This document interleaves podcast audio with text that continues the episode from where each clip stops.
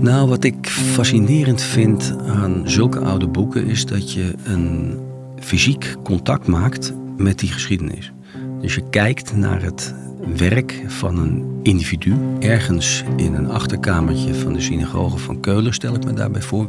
En je, je ziet hoe die zijn inkt, je ziet waar hij een schrijffout gemaakt heeft. Je ziet dat hij dat dan corrigeert met een mesje en dat hij dan weer met zijn ganse veer verder gaat om dat te schrijven.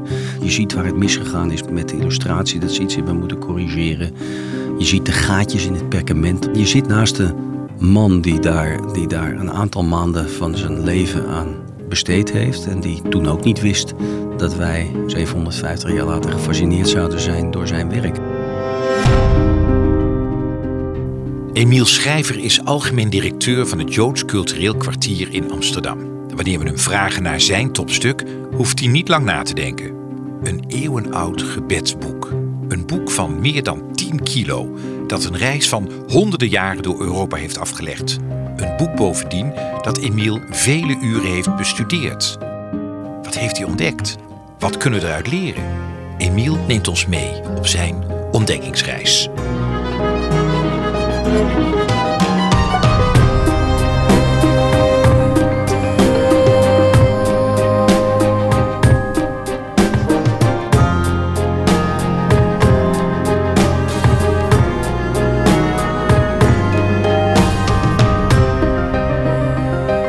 Je luistert naar Topstukken, de podcast over de mooiste kunst en cultuur van Nederland.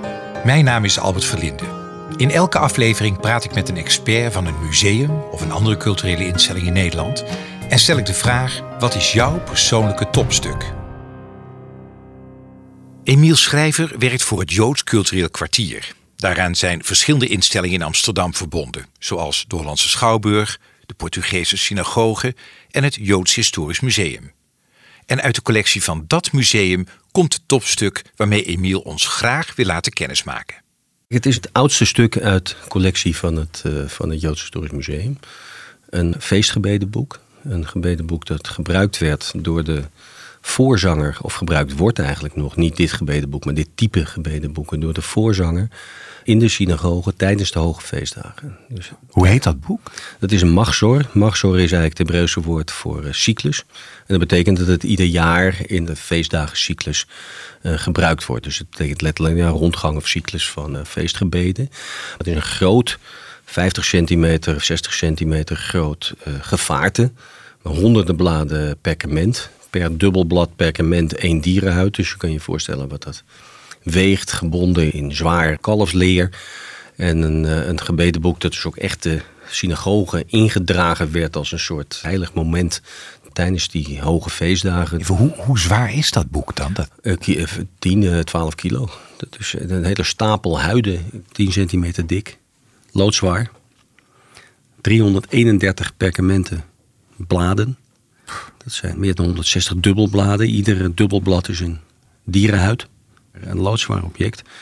Met de hand geschreven, met roetinkt geschreven op opgeruwd perkament. En bevatten gebeden die, die gelezen worden tijdens de hoge feestdagen in de synagoge. Voor het hele jaar door. Alle feestdagen die er zijn hebben hun eigen gezangen. En dit zijn de gezangen die door de voorzanger gebruikt worden in die synagoge. En er zitten tientallen versieringen en afbeeldingen in. Dus het is het, eigenlijk het pièce de résistance van een synagogedienst. In de middeleeuwen, maar ook vandaag de dag nog. Maar omdat het zo monumentaal is, is het ook het centrum van die dienst. En de voorzanger is degene die de gemeente door die dienst leidt. En daarvoor heeft hij dit boek nodig.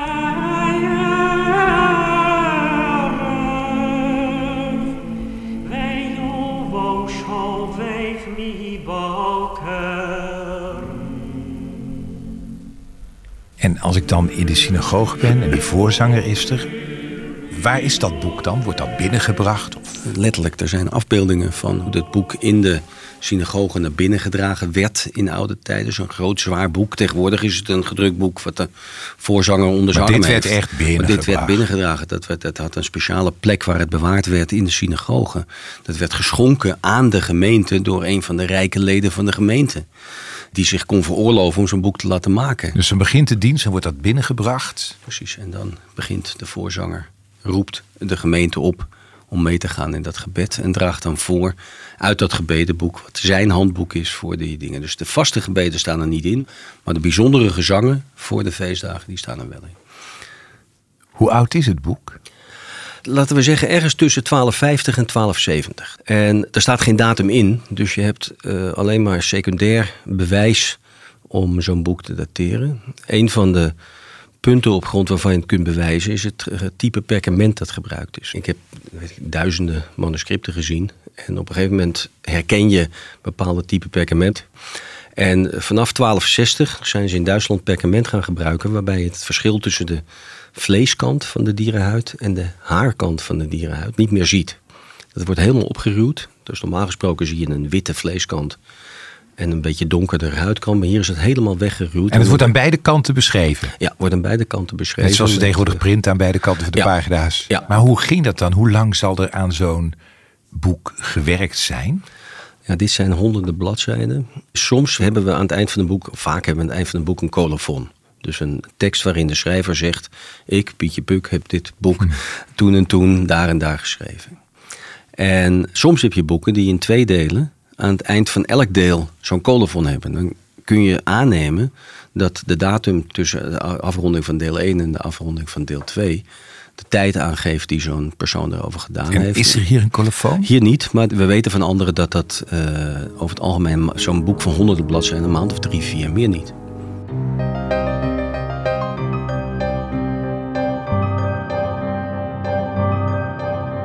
Dit boek, of Machzor zoals het officieel heet, is dus eeuwenoud.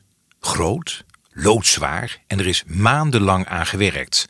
Maar wat maakt het voor Emiel nu zo'n bijzonder boek? Dit boek is om verschillende redenen bijzonder. Het is bijzonder omdat het uh, bijzondere gebeden bevat. Het is bijzonder omdat het zo oud is. Het is ook bijzonder omdat het geïllustreerd is en gedecoreerd is. Er zitten afbeeldingen in, er zitten decoraties in, dat haal ik altijd uit elkaar. Uh, decoraties kunnen tierlantijntjes zijn, bloemetjes, uh, draken ook in dit geval, die niks met de tekst te maken hebben. Illustraties hebben direct te maken met de, of indirect te maken met de inhoud van de maar wat is de functie van die illustratie? Want als er, als er gezongen wordt uit dat boek en het ligt op één plek, dan is er over het algemeen één persoon die het ziet. Het is, niet... is een hele spannende vraag waarin de Joodse traditie best mee geworsteld is. Jodendom staat bekend bij velen als een traditie waarin er eerder een soort afkeer is van het beeld. Je hebt in het tweede van de tien geboden is het gebod om uh, gij zult u geen gesneden beelden maken. Blijkbaar is de menselijke behoefte om, om mooie dingen te zien, die is groter dan dit religieuze gebod. Joden maken verschil tussen twee- en driedimensionaal. Dus ze maken een verschil tussen afbeelden, wat tweedimensionaal en plat is, en dat mag. En beelden, wat driedimensionaal is en tastbaar, en dat mag niet. Want dan komt het te dicht in de buurt van de afgodendienst. Nou. En het derde Bijbelse gebod luidt: je mag ze niet dienen. Dus je mag die afgodenbeelden niet dienen. En daar zit, daar zit de pijn. Dus het mag blijkbaar wel. Er zijn duizenden afbeeldingen. Het Amsterdam Machtstor wordt dus in de 13e eeuw geschreven. Zo schatten onderzoekers het in. Dat is dus bijna 800 jaar geleden. Dat is net zo oud als, laten we zeggen, Amsterdam. Maar waar komt het precies vandaan? En wat is er in al die eeuwen sinds toen en nu met dit boek gebeurd? Op grond van type illustraties dat gebruikt is, weten we dat het in Keulen geschreven moet zijn. De gebeden die erin staan en de volgorde van gezangen die erin staan, weten we ook dat het de Joodse gemeente Keulen was. We weten ook dat de stad Keulen een grote Joodse gemeenschap had. In de 14e eeuw zijn de Joden uit Keulen verdreven. Ja. We weten dat het ook gebruikt is in de, in de synagoge in Keulen. Er staan ook aantekeningen bij. Dit is de rite de, religieuze rites van, uh, van Keulen. Dus we volgen dat boek, dat ligt in de 13e eeuw. De 14e eeuw moeten ze weg. We moeten ze weg. En daarna weten we helemaal niks tot het einde van de 16e eeuw. Twee eeuwen weg. Er staan geen aantekeningen in op basis waarvan we iets leren. Er staan geen zaken in. We weten eigenlijk twee eeuwen lang we geen idee waar het is. Bewaard onder in een kast, achter op een kar van A naar B. Je kunt je dat niet romantisch genoeg uh, Onder het stro in een stal, onder zo'n luik. Onder een dikke deken, weet ik veel. Ik heb daar al zoveel oh, over. Maar wanneer popt het dan op? Hoe, hoe vinden ze het weer? Echte zekerheid hebben we pas in de 17e eeuw. Maar we denken dat het aan het eind van de 16e eeuw in het bezit gekomen is van een zekere Mozes Uriah Levi. Die rabbijn was in de Joodse gemeente van Emden in uh, Noord-Duitsland.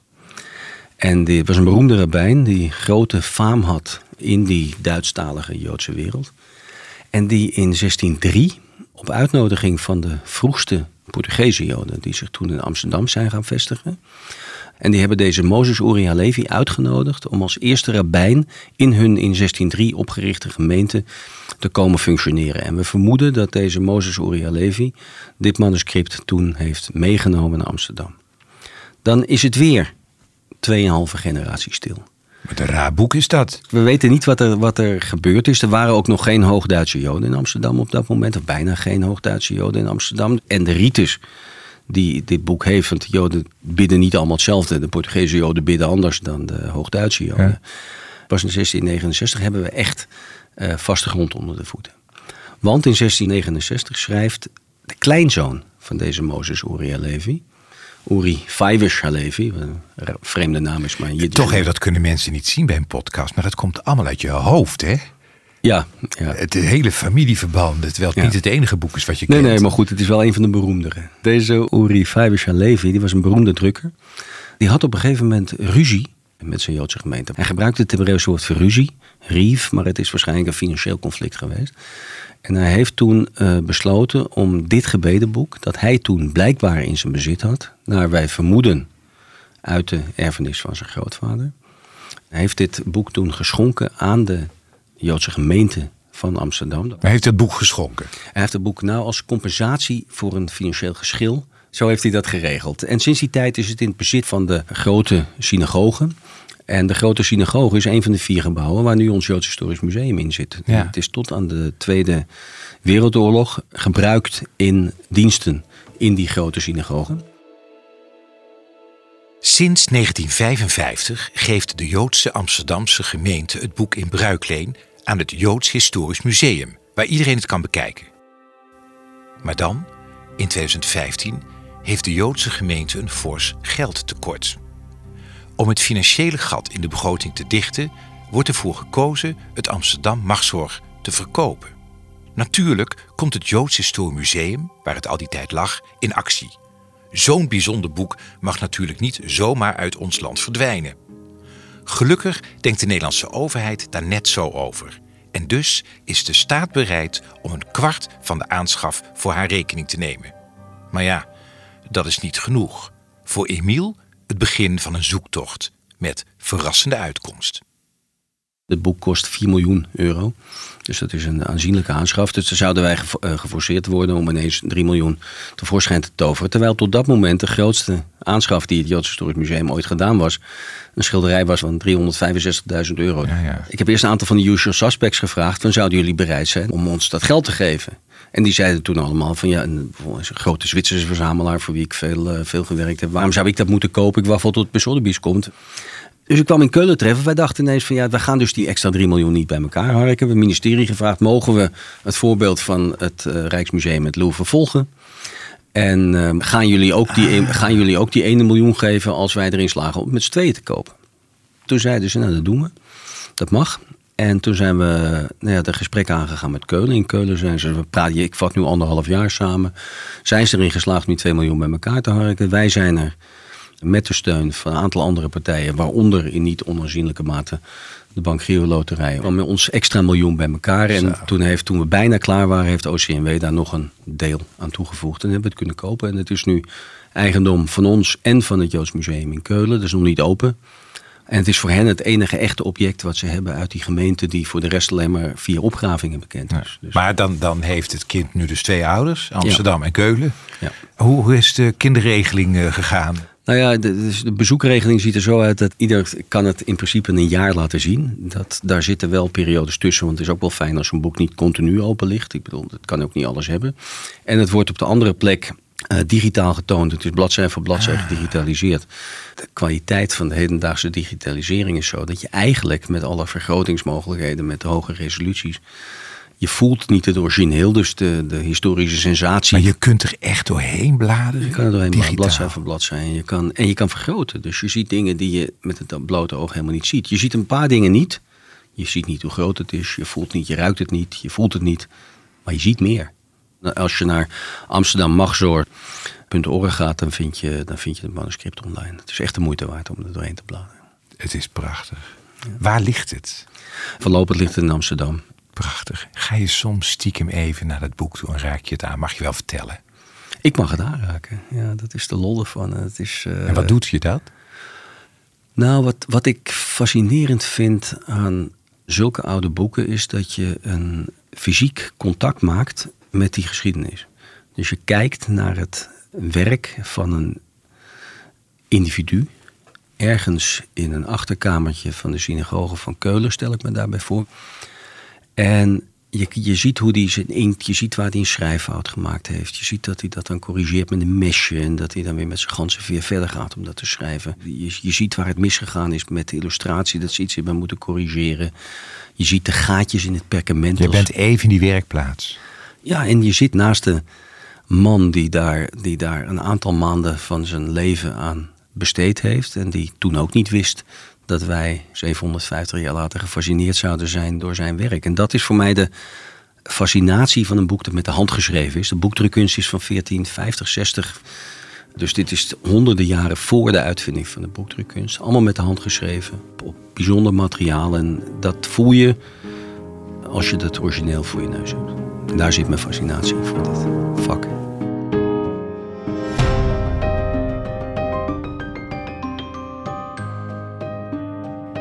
Je luisterde naar Topstukken, aangeboden door de Vriendenloterij, de cultuurloterij van Nederland. Mijn naam is Albert Verlinde, ambassadeur van de Vriendenloterij. Ik ben er trots op dat wij cultuur steunen in heel Nederland, dankzij onze deelnemers. En als je meespeelt in de Vriendenloterij, ontvang je een VIP-kaart waarmee je korting krijgt op de leukste uitjes en gratis ruim 125 musea kunt bezoeken. Dus ook het Joods Cultureel Kwartier in Amsterdam.